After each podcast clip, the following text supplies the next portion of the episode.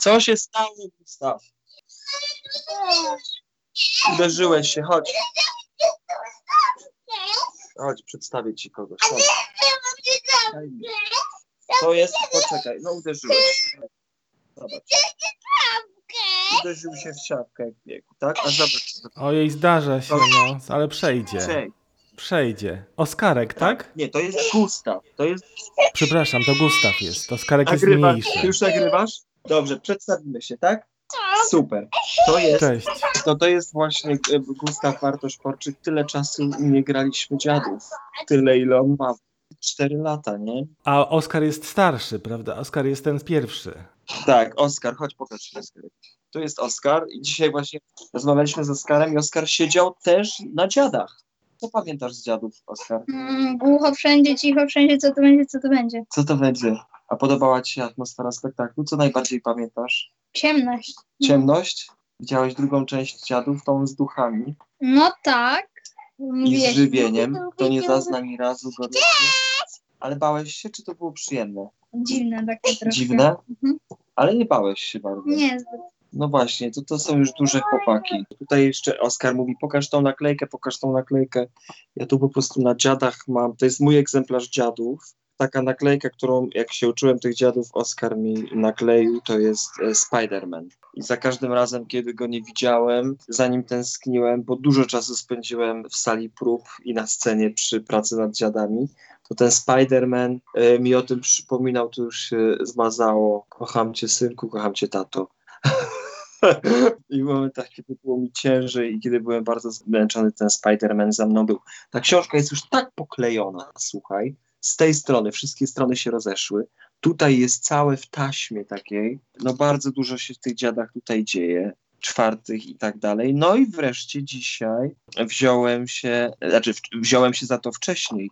No ale przed nami przegląd y, wojska bierzemy się za przegląd wojska. Niedługo już publiczność usłyszy pierwsze notatki, zaznaczone średniówki. Do pracy, znowu do pracy. Jestem bardzo podekscytowany, leciutko poddenerwowany, ale jednak jakiś taki rodzaj ekscytacji mi ogromny towarzyszy z tego spotkania i z publicznością, i z kolegami i koleżankami e, z Teatru Polskiego. Powiedziałeś, że leciutko podekscytowany, zdenerwowany. Nie dziwię się oczywiście, bo tak, kiedy była ta całość legendarna, to mieliśmy bardzo wymagającą od ciebie część drugą i czwartą, a potem już na, tych, na tym ustępie Bartosz Porczyk miał luz, mógł oglądać i zrobił to zresztą swoich kolegów. Tymczasem, gdyby, daj Boże, ta całość się powtórzyła, to nie masz, no właściwie, no niewiele masz tego wolnego. Wiesz co, ja za pierwszym razem, e, jak źle rozłożyłem te siły, to ja w, sali prób na półpiętrze leżałem z, już z, z zawrotami głowy i żołądkiem do góry nogami i nogami w górze, żeby w ogóle przywrócić jakiekolwiek siły w- nogach i w całym ciele. Źle rozłożyłem te siły. Oczywiście zanim zaczęliśmy spektakl o 12, to ja jeszcze odbębniłem dwugodzinny trening na siłowni bo zawsze zaczynam spektakle, jak jestem już trochę zmęczony, wtedy, że tak powiem, no muszę być bardzo, bardzo porządnie rozgrzany i się przeliczyłem, bardzo się przeliczyłem.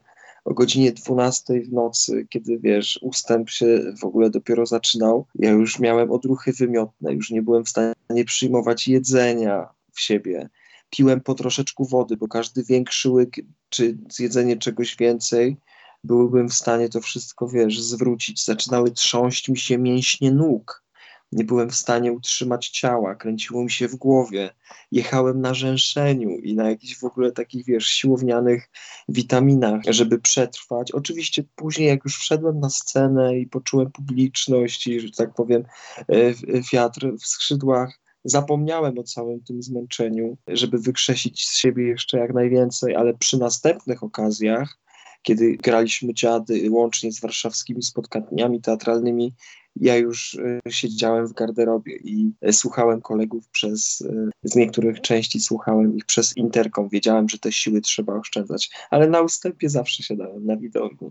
To było super, bardzo mi się to podobało. No to jest wspaniała rzeczywiście część, zresztą jak każda część dziadów, inna, no bo musi być też inna. My przerobiliśmy z Michałem przegląd wojska.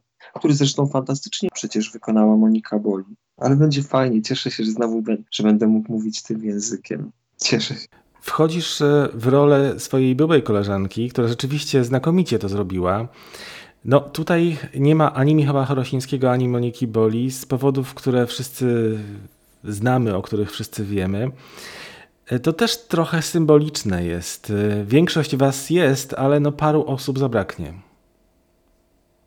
Uśmiecha się Bartosz Porczyk i, i na tym uśmiechu zostaniemy. Wiesz co, nie wiem. Spotkamy się i to będzie najważniejsze. Nie mam we mnie jakiejś takiej intencji ani komentowania tego, ani osądzania tego, broń Boże, ani rozliczania kogokolwiek z tego. Najważniejsze jest to, że się spotkamy.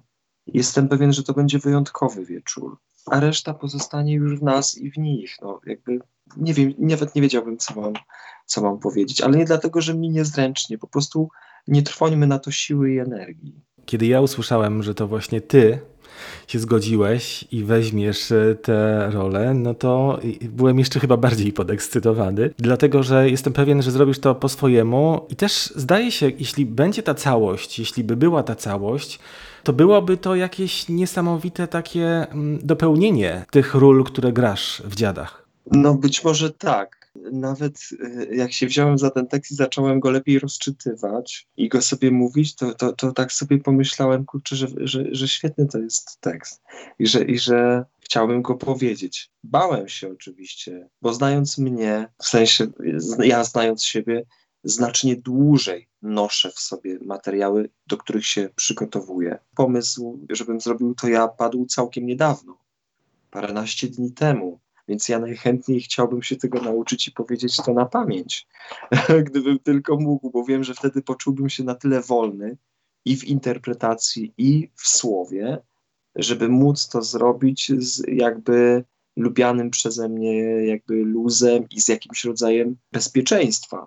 Ale Michał dzisiaj na próbie mnie zapewnił, że raczej potraktuj to jako swoisty rodzaj wykładu, malowania obrazu przed publicznością, niż monologu wygłaszanego z siebie, że nawet ten tekst, który po części będę czytał i po części mówił, wpisany jest w wykład kogoś, kto nam opowie o tej historii, o jej konsekwencjach, o jakimś ciężarze, ale też i czystym zachwycie tej siły, jakże wielkiej siły, jaką opisuje tutaj Mickiewicz, tej siły Rosji, tego cara, tej gwiazdy, po to, żeby na końcu sobie pozwolić na taki drobny komentarz między tym, jak to wygląda, co się później dzieje i co się za chwilę stanie. Więc się uspokoiłem. Ale to nie będzie łatwe zadanie.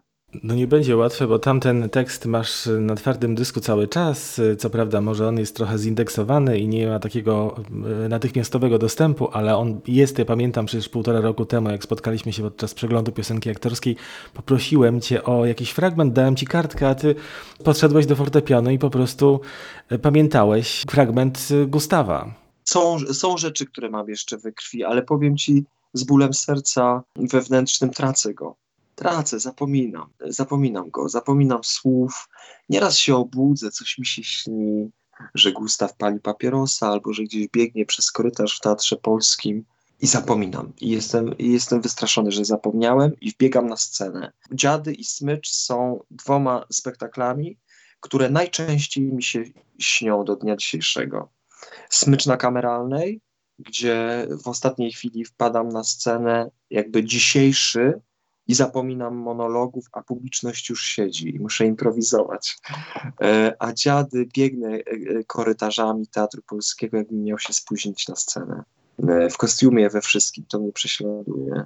Potem się budzę, mam ochotę się zrywać, dzwonić i do wszystkich i z powrotem je zagrać i z powrotem zrobić, ale potem przypomina mi się, ile mam sił, ile mam lat, ile czasu minęło. A propos tych dwóch legendarnych e, spektakli, no dziady teraz ustęp będą e, zarejestrowane, natomiast e, nie miałbyś ochoty wejść choć na chwilę na scenę, na ten jeden, dwa wieczory, żeby zarejestrować, teraz mamy te pandemiczne rejestracje, zarejestrować smycz? Czy nie wchodzi się już do tej rzeki? Wiesz, wiesz bardzo dużo ludzi do mnie pisze w tej sprawie, jakby publiczność wrocławska, która jakby kontaktuje się ze mną przez Instagrama albo przez y, Facebooka, nie powiem nie, bo, bo nie wiem, co się wydarzy. Ja nie wiem, co się stanie. Nie mogę powiedzieć nie.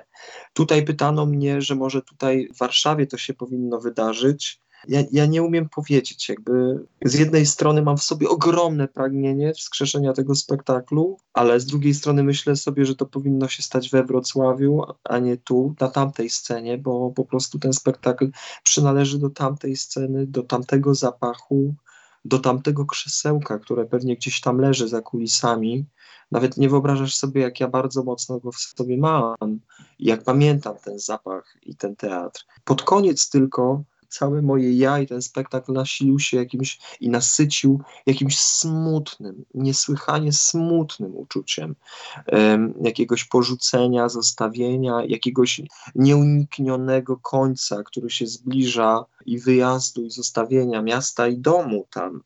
I boję się, że poruszenie, że z powrotem dotknięcie tamtej materii poruszy jakieś bolesne struny y, we mnie i czasami wewnętrzne coś mówi mi, że pewne rzeczy pozostają już tylko sprawą przeszłości i powinny tam pozostać. No właśnie, te struny to jest e, bardzo ciekawa i ważna sprawa przy dziadach. Struny, które polegają na zagraniu na tym samym instrumencie, ale jednak e, no, nie tych samych artystów. Spotkacie się po pięciu latach, e, mówię od tej premiery całości, a po więcej latach, jeśli mówimy o całości, o tych dziadach w ogóle. Mówisz taki Mickiewiczowski wers, pamiętasz w tej czwartej części, dziadki, ale wyrosły. I tutaj jakby rzeczywiście, ale wyrosły. Oj, ale dziadki wyrosły, tak. Chciałbym je teraz zobaczyć, te dziewczynki. To bym się zdziwił, nasze dziadki. Jedną zobaczysz e, dziewczynkę, czyli Julię Leszkiewicz, która jest dziewczyną. Julka jest już dziewczyną, tak. Ja widziałem ją w Romeo i Julii tutaj w Teatrze Studio, więc z Luką miałem styczność, bo grałem księdza. Fantastycznie się rozwija, zmienia, przepięknie myśli. Jestem, jestem pewien, że tamto spotkanie z Michałem i z nami miało ogromny wpływ na jakby jej rozwój wyobraźni i w ogóle jako artystki, aktorki. Trzymam za nią kciuki. E, ja bym się, nie, ja, ja nie, nie wyobrażam sobie tego. Ja, ja naprawdę sobie tego nie wyobrażam dzisiaj w niedzielę wieczorem o 19, tuż przed 19 właściwie, bo warto zajrzeć jeszcze przed 19, żeby poczuć ten klimat i wejść w Dziady, Dziadów części trzeciej ustęp z Bartoszem Porczykiem w nowej roli. Więc będzie to absolutnie właściwie, no dla ciebie na pewno, dla spektaklu premiera. Tak, ale ja wierzę, że to będzie fantastyczne spotkanie. Trzeba oddychać, trzeba myśleć, trzeba wyrazić odpowiednią intencję w tekście. Wszystko to jest wpisane. Zawsze mi Michał mówi, jakkolwiek nie, spani nie spanikujesz, nie wpadniesz w panikę, to to wszystko już w tym Mickiewiczu jest. Wystarczy, że weźmiesz oddech i zaczniesz tym oddychać i mówić, i myśleć nim. Ogromnie się cieszę na to spotkanie. Bartosz, to na koniec e, mały fragment z przeglądu wojsk?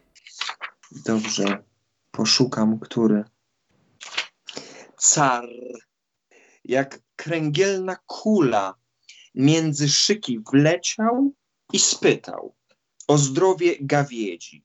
Zdrowia ci życzym, szepcą wojowniki. Ich szepty były jak mruk stu niedźwiedzi. Dał rozkaz. Rozkaz wymknął się przez zęby i wpadł jak piłka w usta komendanta i potem gnany od gęby do gęby na ostatniego upada sierżanta. Jęknęły bronie, szczęknęły pałasze i wszystko było zmieszane w odmęcie.